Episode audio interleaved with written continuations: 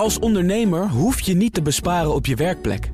Want IKEA voor Business Netwerk biedt korting op verschillende IKEA-producten. Word gratis lid en laat je werkplek voor je werken. IKEA, een wereld aan ideeën. Dit is een BNR-podcast.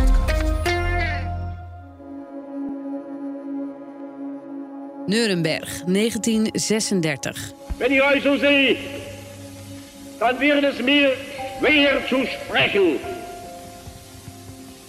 Uns allen geht das Herz über vor Freude über euch. Ihr wisst gar nicht, wie das deutsche Volk euch lieb gewonnen hat. Hier, in die menigte daar, stonden 600.000 mensen, daar staat ook Renaat van Tillo. Dat is de auto van Christian van Tillo, waar deze podcast over gaat. Ja, hij is, hij is met een aantal vrienden in 1936 in een, in een auto vanuit Antwerpen naar Nuremberg gereden om te luisteren naar Adolf Hitler. Hoe heb je dit ontdekt? Want dit heeft Van Tillo niet tegen jou. Dit is niet iets wat je op feestjes vertelt tegen anderen. Nee, dit is niet wat je op feestjes vertelt tegen anderen. Nou was het zo dat ik in Antwerpen naar een archief ging. Dat was het archief van de Vlaams Nationalistische Bewegingen. En ik kreeg zo'n steekkarretje. En op dat steekkarretje lag een dagboek van Jozef de Lange. Jozef de Lange is een zware antisemiet die ook, ook zijn werk is daar, want hij was Vlaams nationalist, werd er ook eh, eh, bewaard. Dus ik sla dat boekje open, ik sloeg de stof eraf en daar stond gewoon een reisverslag in van deze de Lange met de familie van Tillo. Mevrouw van Tillo en Renaat van Tillo. En daar stond dus in waar ze allemaal naartoe gingen. Heel, heel Duitsland. Eindigend in Nuremberg en eindigend bij de bijeenkomsten van de nazi-partij van Adolf Hitler. Het is iets waar Christian van Tillo maar moeilijk overheen kan stappen. Dat hem blijkbaar blijft achtervolgen. Iets met hem doet, iets in hem losmaakt. Hoe werd DPG het grootste mediabedrijf van de Benelux? Het is niet zo onschuldig als mensen zeggen. Hoe werken ze? En wie is Christian van Tillo, de eigenaar, de machtigste mediaman van de Lage Landen, die zich nooit in de media laat zien? Blijf weg uit de schijnwerpers. Doe dat nooit. Niet in de spotlight. De grote Christian van Tilo, de miljardair. Ook al eigenaar van de Volkskrant, AD, Trouw, eh, Parool, Nu.nl, eh, allerlei tijdschriften onder andere. Die dan opeens zegt, ja, ik, wil- ik, ik maak mijn agenda vrij en ik kom naar, naar, naar je toe. Ja, dan is er iets aan de hand. Ik ben Wendy Beenakker en ik maak deze podcast met Mark Koster.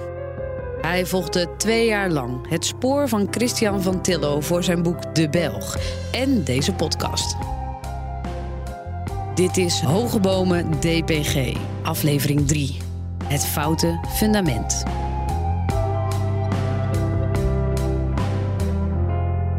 Mark, seizoen van Hoge Bomen duiken we ook helemaal in de geschiedenis van een bedrijf. En dat doen we nu ook in deze aflevering.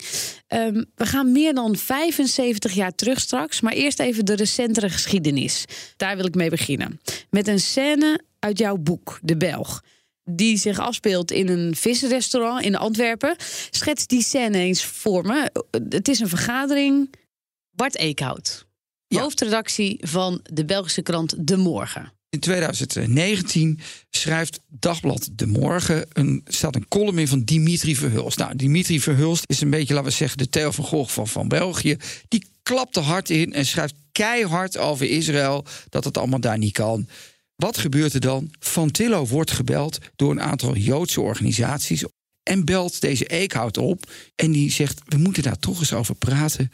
Kunnen jullie dat uit de krant halen of in ieder geval je excuus maken daarover? In dat visrestaurant Dome sur Mer, ik ben daar geweest. Wendy, je weet niet wat je ziet. Daar geweldige vissen. Daar komen allemaal van die mooie schaaltjes met granaaltjes en dingetjes. Geweldige wijnen worden ook heerlijk voor je neergezet. Dus dat is zo'n typische Vlaamse lunch waarbij Van Tillo even zijn zin moet krijgen. Hij pleurt zijn fietsen tegen, tegen de muur. En dan zegt hij tegen die hoofdrijk... nou jongens, excuus maken. Nou, zij verharden. En dan gebeurt er iets. Ja, want zij zeggen, we gaan het niet doen. We gaan het niet we doen. gaan dat niet doen. De vis wordt erin verpakt. hè? Dat is een, een journalistieke uitdrukking. Morgen is iedereen het weer vergeten. We doen het niet. Hou op met me. Vond ik ook goed. Dus dat, dat, maar goed, dat, eh, die, die, de, de morgen zat daar en er zaten drie mensen bij, ook nog een directeur. Ik vermoei je niet met de naam. Maar toen gebeurde er wat. Het kwam dus nog weer op dat oorlogsverleden uit. En Van Tillo, die zegt ineens uit het niets, hè, bevestigt een van die mensen die daar aan tafel. Ja, die, die raakt geëmotioneerd en zegt: Ja, maar dat verleden heeft mij ook geraakt. Want ik heb ooit een relatie gehad met een Joods meisje.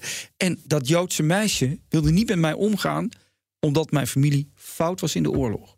Dat, dat was een, is een moment geweest waar deze hoofdredactie mij, die ik, die ik interviewde, toch steeds op terugkwam en zei dat hij ook zelfs vol schoot, in ieder geval het moeilijk had en dat het een emotioneel moment was. Hij schaamt zich daarvoor. Dat is waarom die column van Dimitri Verhulst hem raakt.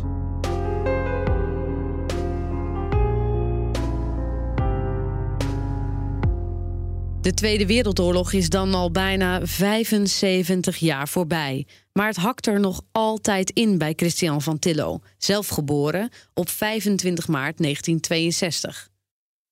Het etentje begint als een zakelijke discussie, maar het wordt een soort biecht. Waarom overschrijdt hij hier de journalistieke grens tussen uitgever en hoofdredacteur, geldschieter en onafhankelijk maker, die hij zelf dan zo hoog in het vaandel heeft staan? Daar laat hij zich op voorstaan. Het moet hem wel heel hoog zitten als hij bereid is om die prijs te betalen. Nou, omdat hij toch dat imago hebben van de nette courantier, de mooie uitgever, de man die het goed heeft met, voor heeft met de journalistiek. Ja, en als er dan zo'n bruin verleden is, hij heeft ook twee kranten overgenomen, Trouw, verzetskrant, Parool, verzetskrant, dat past niet in het plaatje en dat wilde hij toch wel graag. Dus hij wil niet dat dit naar buiten komt. Hoe fout was die familie? Nou, die, die auto was verschrikkelijk fout. Dat was gewoon een nazi. En had hij ook nog een broer. Eh, eh, die heette Edmund van Tiller. Was ook fout, ook vijf jaar vastgezeten. Ook allemaal vuile streken uitgehaald in de oorlog. En dan had hij dus de opa van Christian van Tiller. Opa Bill. Opa Bill. Daarvan is na de oorlog niks ontdekt. Maar ook dat was een Vlaamse nationalist. Dus ze zaten allemaal in die familie. In, in, in die wereld zaten ze. Kijk, weet je wat is, Wendy? En dan kun je wel zeggen, kijk, na de oorlog kun je een streep trekken. Maar dat is niet gebeurd, hè? Bill van Tillo, de opa, neemt zelf in 49 een uitgeverij over. En wat voor uitgeverij was dat? Een uitgeverij waar de nazi's hun collaboratieblaadjes uitgaven. Dus de familie was niet was fout in de oorlog, maar nam ook na de oorlog een uitgeverij over waar nazi-geld in zat. Je, je hebt best wel veel mensen bij het Parool gesproken, bij Trouw, hè, de twee verzetskranten die die allebei eh, heeft overgenomen. Hier in Nederland zijn we daar heel trots op, hè, op het feit dat zij tijdens eh, de oorlog eh, op die manier in verzet zijn gekomen. Ehm, is dat dan nooit ter sprake gekomen? Ik heb dat natuurlijk gevraagd aan, aan de mensen bij het Parool. Erik van Gruithuizen, de man die, die de overname deed. Ja, het is nooit ter sprake gekomen. Dus de familie was fout in de bezettingsjaren. Maar wat gebeurde er na de oorlog? Ik bedoel, je kunt toch niet blijven teren op die collaboratiecontacten? Ja, dat gebeurde dus wel. De familie teerde heel erg op de collaboratiecontacten, omdat die mensen een beetje persona non grata waren geworden. Dus wat je kreeg, was dat al die collaborateurs een beetje samenklonten in één uitgeverij. En die uitgeverij, die nam Bill van Tillo over. Dus je ziet eigenlijk een, een rechtstreekse lijn van Nuremberg, hè, wat we net hoorden, tot, laten we zeggen, 1950. Dat was eigenlijk met dezelfde mensen en ook met dezelfde uitgeverij. Dus je zou zelfs kunnen zeggen dat dat geld, natiegeld, daar toch doorcijpelde.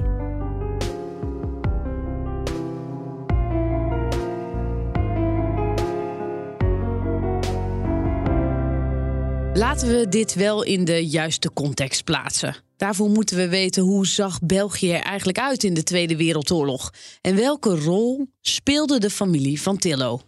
Nou ja, de, de, de belangrijkste van Tillo in en rond de Tweede Wereldoorlog was Renaat van Tillo. De man die naar Hitler ging. Dat was een belangrijke man. Die was een uitgever, begon als uitgever, maar werd lid van het collaboratieregime.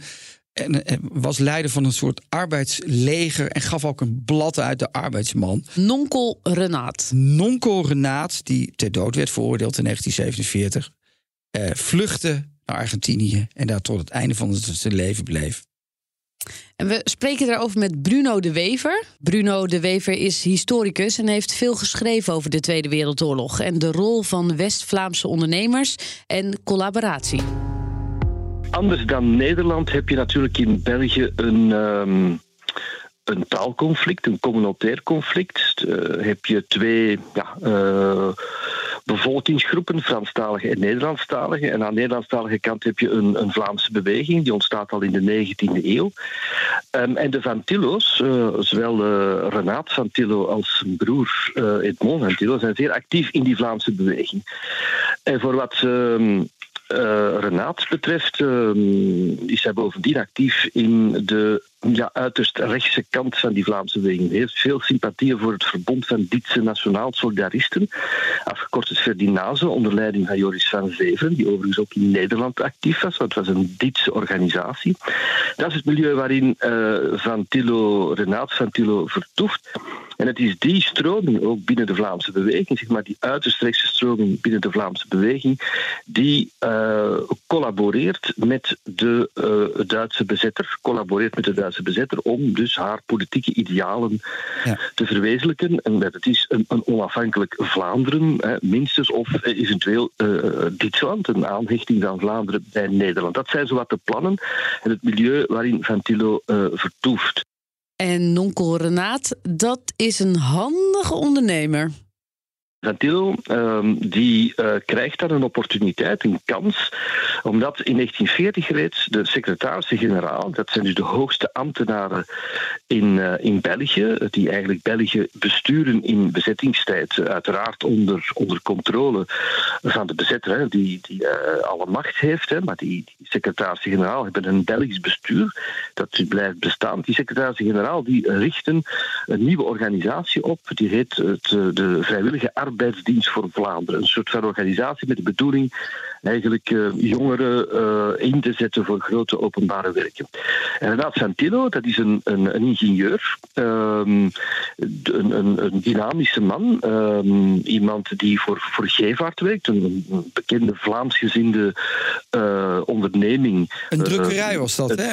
Een nee, in de ja, fotografie werkte die.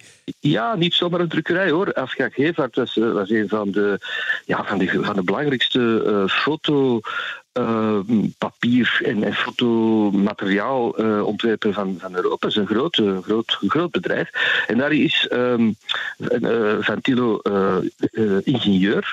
Eh, en, eh, er zijn nogal wat ehm, van die dynamische eh, West-Vlaamse, daar komt hij vandaan, maar, maar, maar ook eh, elders in Vlaanderen, dynamische jongelui die, of jonge, jonge mannen, eh, die, die actief zijn in, in die eh, rechtse eh, Vlaamse beweging en, en die je dus ook gaat terugvinden ehm, in of aan de rand van de collaboratie. Fantilo is zo iemand, is dynamisch, wil vooruit, is een ondernemer en ziet zijn kans schoon. Hij wordt hoofd van die vrijwillige arbeidsdienst voor Vlaanderen, maar gaat er meteen eigenlijk zijn eigen instrument van maken. Hij, hij, hij trekt ehm, sympathisanten aan van de collaboratiebeweging om in die eh, vrijwillige arbeidsdienst voor Vlaanderen eh, leidinggevende functies uit te oefenen. Die vrijwillige arbeidsdienst voor Vlaanderen is ook helemaal op nieuwe orde leest geschoeid, zeg maar. eh, ja, lijkt sterk op wat, wat in, Nazi-Duitsland gebeurt. Het is een geuniformeerde organisatie. Ze zingen strijdliederen en, en, enzovoort. Goed, foute oom dus. Maar waarom is dat relevant, Mark? Nou, omdat na de oorlog die contacten die voor de oorlog zijn opgebouwd nog steeds intact zijn. Sterker nog, de familie was een beetje persona non grata. Alle families, al die West-Vlaamse collaborerende families waren persona non grata. Dus zochten elkaar op. En wat je dus zag was dat de broer van Renaat van Tillo, Bill van Tillo, de opa van Christian van Tillo, eigenlijk in, in dat vacuüm meeging en probeerde toch zijn zaakjes te regelen. Hij, hij nam een uitgeverij over waar allemaal collaboratiemensen werkten. Die eigenlijk ook niet wisten. kwa- Ergens anders kwamen ze niet aan de bak. En hij, eh, hij zette dat op. Als de oorlog uitbreekt en de nazi's België bezetten... grijpt Renaat van Tillo zijn kans om zijn idealen te verwezenlijken. Hij wordt voorman van de VAVV, de Vrijwillige Arbeidsdienst voor Vlaanderen. Die VAVV, En eigenlijk het clubblaadje van de VAVV, dat is eigenlijk de, e- het eerste moment, het, de start van het uitgeefimperium. Dat kun je wel zeggen, toch? Het eerste blaadje dat ze eigenlijk aankopen. Het eerste blaadje dat ze aankopen, dat was wel onder auspiciën van de Duitsers en ook onder auspiciën van het ministerie. Niet heel journalistiek misschien. Nou, totaal onjournalistiek. Maar als je daar in het colofon kijkt, dan staat er toch echt een eigen uitgeef. Eh, dat hij de uitgever is en dat hij de baas is over dat blad. En je ziet ook dat hij dat als een dictatoriale hoofdredacteur leidt. Hij staat er zelf vaak in. Maar je, dat ontkennen, dat dat een uitgeefconcept is, dat is een beetje flauw. We vroegen Bruno de Wever ook hoe we dit nu eigenlijk moeten zien. Hè? Eh, hij vertelde ons dat er in België niet zo zwart-wit over collaboratie en verzet wordt gedacht als in Nederland. Ik denk dat uh, in, in globo, dus globaal genomen, um, de, de, de verhoudingen uh, tussen verzet. Het gros van de bevolking die in de grijze zone tussen verzet en collaboratie zit, en dan spreken we over 95% van de, van de burgers. Um, en dan, en dan de zwarte collaboratie. Uh, dat dat eigenlijk niet zo verschillend is hè, uh, tussen Nederland en, en België. Ik denk dat we in België misschien een, een wat genuanceerder debat hebben met betrekking tot uh, wit versus zwart. Dat zijn dan de typische kleuren waarmee in België verzet en, en collaboratie worden aangeduid dan in Nederland, waar er een vrij snel een soort uh, heroïsering is gekomen van het verzet.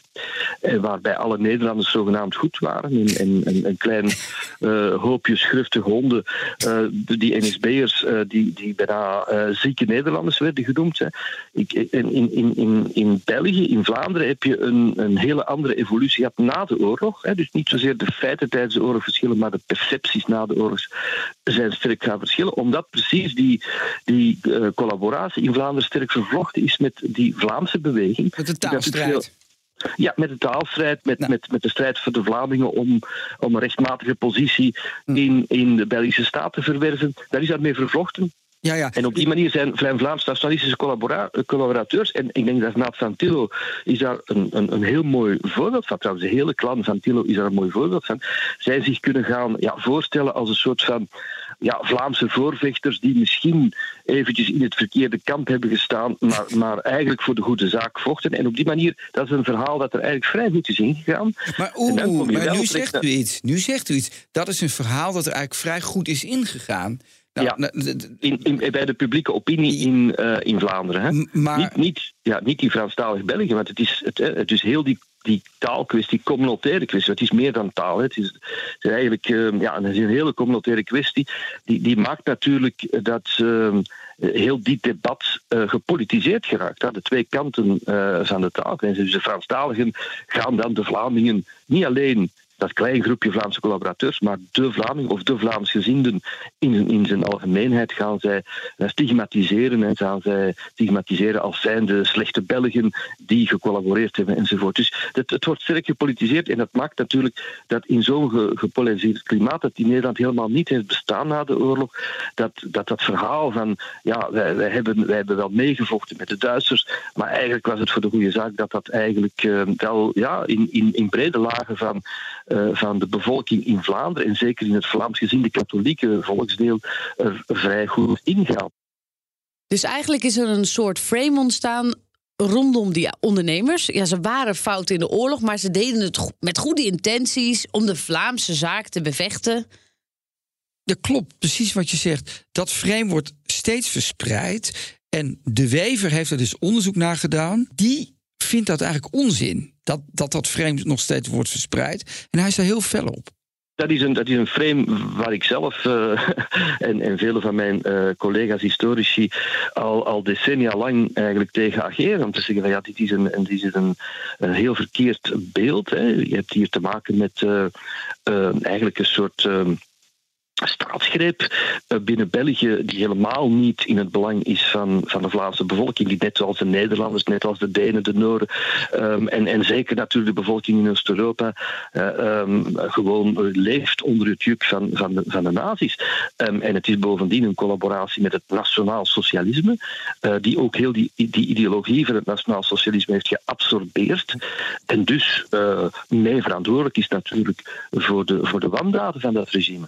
Wat vaststaat is dat de krijgsraad in Brussel Renaat op 21 januari 1947 ter dood veroordeelt. En tot het betalen van een schadevergoeding van 1 miljoen Belgische frank. 25.000 euro.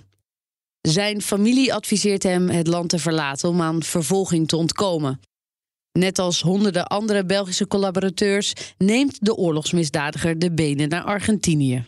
Renaat Santillo, dat is heel duidelijk, is iemand die uh, heel opportunistisch eigenlijk uh, probeert te wedden op het sterkste paard. En dat is uiteindelijk in zijn ogen op dat moment uh, de Groot-Duitse beweging uh, die aangestuurd wordt door, door de SS van Heinrich Himmler. Uh, maar ja, goed, hij, hij wedt daar natuurlijk wel op het verkeerde paard als je het met de ogen van vandaag bekijkt. Want natuurlijk, ja, hij die, het is niet alleen verliest nazi-Duitsland de oorlog, maar bovendien is hij geëngageerd in een beweging die natuurlijk binnen dat nationaal socialisme ook ja, verantwoordelijk is voor, ehm, ja, voor, de, voor erge, erge, erge zaken en, en, en, misdaden tegen de mensheid. Terug naar de directe familielijn. Opa Bill, die in de oorlog, anders dan zijn broers, zich niet per se voor laat staan op zijn nazi-netwerk of carrière maakt bij de bezetter. Opa Bill, de opa van Christian van Tillo. Ook niet per se brandschoon, hè, Mark? Nee, de aartsvader van het uh, imperium was echt een, beetje een boefje, laat ik het zo maar zeggen. Zeker als je dat nu naar deze tijd verplaatst. Hij was in Congo al actief. Daar had hij een rubberplantage, een koffieplantage en een palmboomplantage. Dus ja, Congo. Uh, hij had onder meer ook interessant in Joegoslavië, het voormalige Joegoslavië, een, daar had hij een uh, kolenmijn. Um, en daar werd hij uh, door Tito, die daar in 48 de baas werd hij eruit gekegeld. Dus hij was ook internationaal al bezig met handeltjes en zaakjes. Het, het Belgische uh, onderzoeksplatform Aparts heeft dat helemaal gereconstrueerd. En ja, en die hebben daar wel een heel groot dik vraagteken achter. Of dat wel helemaal zuivere koffie was. Het meest interessante aan, aan die onthulling was dat hij ook wapens leverde aan de nieuwe dictators in Argentinië, hè, Peron en aan Nasser in Egypte. Kijk, dat zijn natuurlijk met terugwerkende kracht, zou daarvan kunnen zeggen, dat was zo fout als wat. Maar dat was niet per se nazi gerelateerd. Nee, dat was toen gewoon handel. En was hij was ook een keurige bankman. Hij was een keurige bankman kwam heel slim via allerlei goede connecties in Antwerpen te werken bij een bank. En in, in de jaren 30 waren allerlei faillissementen. En via allemaal slimme trucjes werd hij mede-eigenaar van die bank. En kon zo het fortuin, wat hij dus al een beetje aan het opbouwen nog vergroten. Hè. Na de oorlog zeker moesten mensen allemaal hypotheekjes afsluiten, et cetera, et cetera. Dus zo werd hij van, laten we zeggen, een beetje die boevenfiguur, een geziene gast, een geziene financiële man in Antwerpen. Dan gaat Renaat naar Argentinië. En Bill neemt dan de boedel van de uitgeverij in 1949 over. Inclusief het deel van, de, van het personeel dat dan fout was in de oorlog. Ja, iedereen denkt dan. Wat doe je? Je koopt een, een moffe uitgeverij. Maar hij haalt daar echt wel, had echt wel een idee bij, toch? Nou, in die, in die uitgeverij zaten allerlei laten we zeggen, ranzige blaadjes. zelfs een, een blad met, met blote borsten. Um, het was een beetje een, een ja, trash, zou je het kunnen zeggen. Maar hij poetst dat goed op. In die uitgeverij zit ook een tamelijk serieus blad. Dat heet De Post. Uh, ze noemden dat daar zelf, de, uh, vergeleken ze dat met de Paris Match. Nou, ik weet niet, voor de vrouwelijke luisteraars van een zekere leeftijd. Dat was een geweldig chic blad. Zo wilden ze dat positioneren. Dus hij deed wel zijn best om ja, die blaadjes die hij had, eh, kwik en blik heette dat. Echt, dat was een tietenblad en een roddelblad. Om dat om te vormen tot iets meer cachet. in die familie die kwam ook wat hoger in de hiërarchie terecht. Wat meer in het nette wereld. Nou ja, dat probeerde die Bill van Tillo te doen. Heel slim deed hij dat. Hij probeerde ook met die bladen al allerlei marketing stunts uit te halen. Waarom mensen dat wilden krijgen. Na opa Bill is het de beurt aan Ludo, de vader van Christian, zoon van opa Bill. Wat voor man was die Ludo? Typische tweede generatie. Dus je hebt dan opa Bill die keihard werkte, tot op hoge leeftijd ook nog steeds de baas was. Hij was de baas van de bank, maar hij struinde soms ook op die uitgeverij rond. Maar die Ludo, die hield er van een drankje. Die hield ook wel van een, een beetje golf spelen. Die kwam dan met de blos op de wangen na de lange lunches even nog wat, wat rondscharrelen. En dan zei de jongens, hoe gaat het hier? En dan ging hij, ging hij weer lekker tafelen met zijn vrienden. Dus dat was echt een, ja, je zou kunnen zeggen... zo'n typisch rijke luiskind dat niet al te veel meer deed. Was ook niet echt een bestuurder, hè? Ging heel erg op de kleine de Nou, details. Weet ja. je, waarom is de krant niet bezorgd bij mijn moeder? En eh, dat- dat soort details zitten. Nou, wat, wat, wat ik aantrof in de directieverslagen die, die openbaar zijn... dat het toch een man die klein dacht. Dus het was een man die, die boos was dat de krant er niet bezorgd was bij, bij zijn ouders, hè, bij opa. Die kwaad was dat de krant niet in de supermarkt lag, waar zijn vrouw dan in knokken. Een nietje meer of Een minder. nietje meer of minder. Beetje, beetje geneuzel, weet je. Dat is ook van, nou, niks doen en dan een beetje zeuren over kleine dingen. Het was geen visionair. Heel anders dan zijn zoon Christian, die dat wel had. Christian is een groot visionair, dat moeten, we, dat moeten we vaststellen. Dat was een man die extreem groot dacht, ook naar Amerika ging... om daar te leren hoe de, hoe de zaak gedaan moest worden. Maar dat is op dat moment nog helemaal niet aan de hand. Nee, de visionair en de dop, zoon Christian, is op dit moment meer bezig met dure, snelle auto's, meisjes, muziek. Niks droom over een uitgeef-imperium. Wat maakt dat hij ineens interesse krijgt in het familiebedrijf? Daarover hoor je meer in aflevering 4 van Hoge Bomen. Het leven van een rich kid.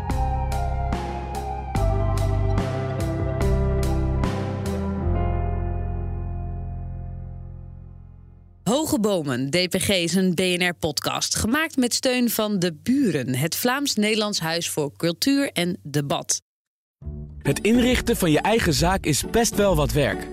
Daarom biedt IKEA voor Business Netwerk 50% korting op interieuradvies. Word gratis lid en laat je werkplek voor je werken. IKEA, een wereld aan ideeën.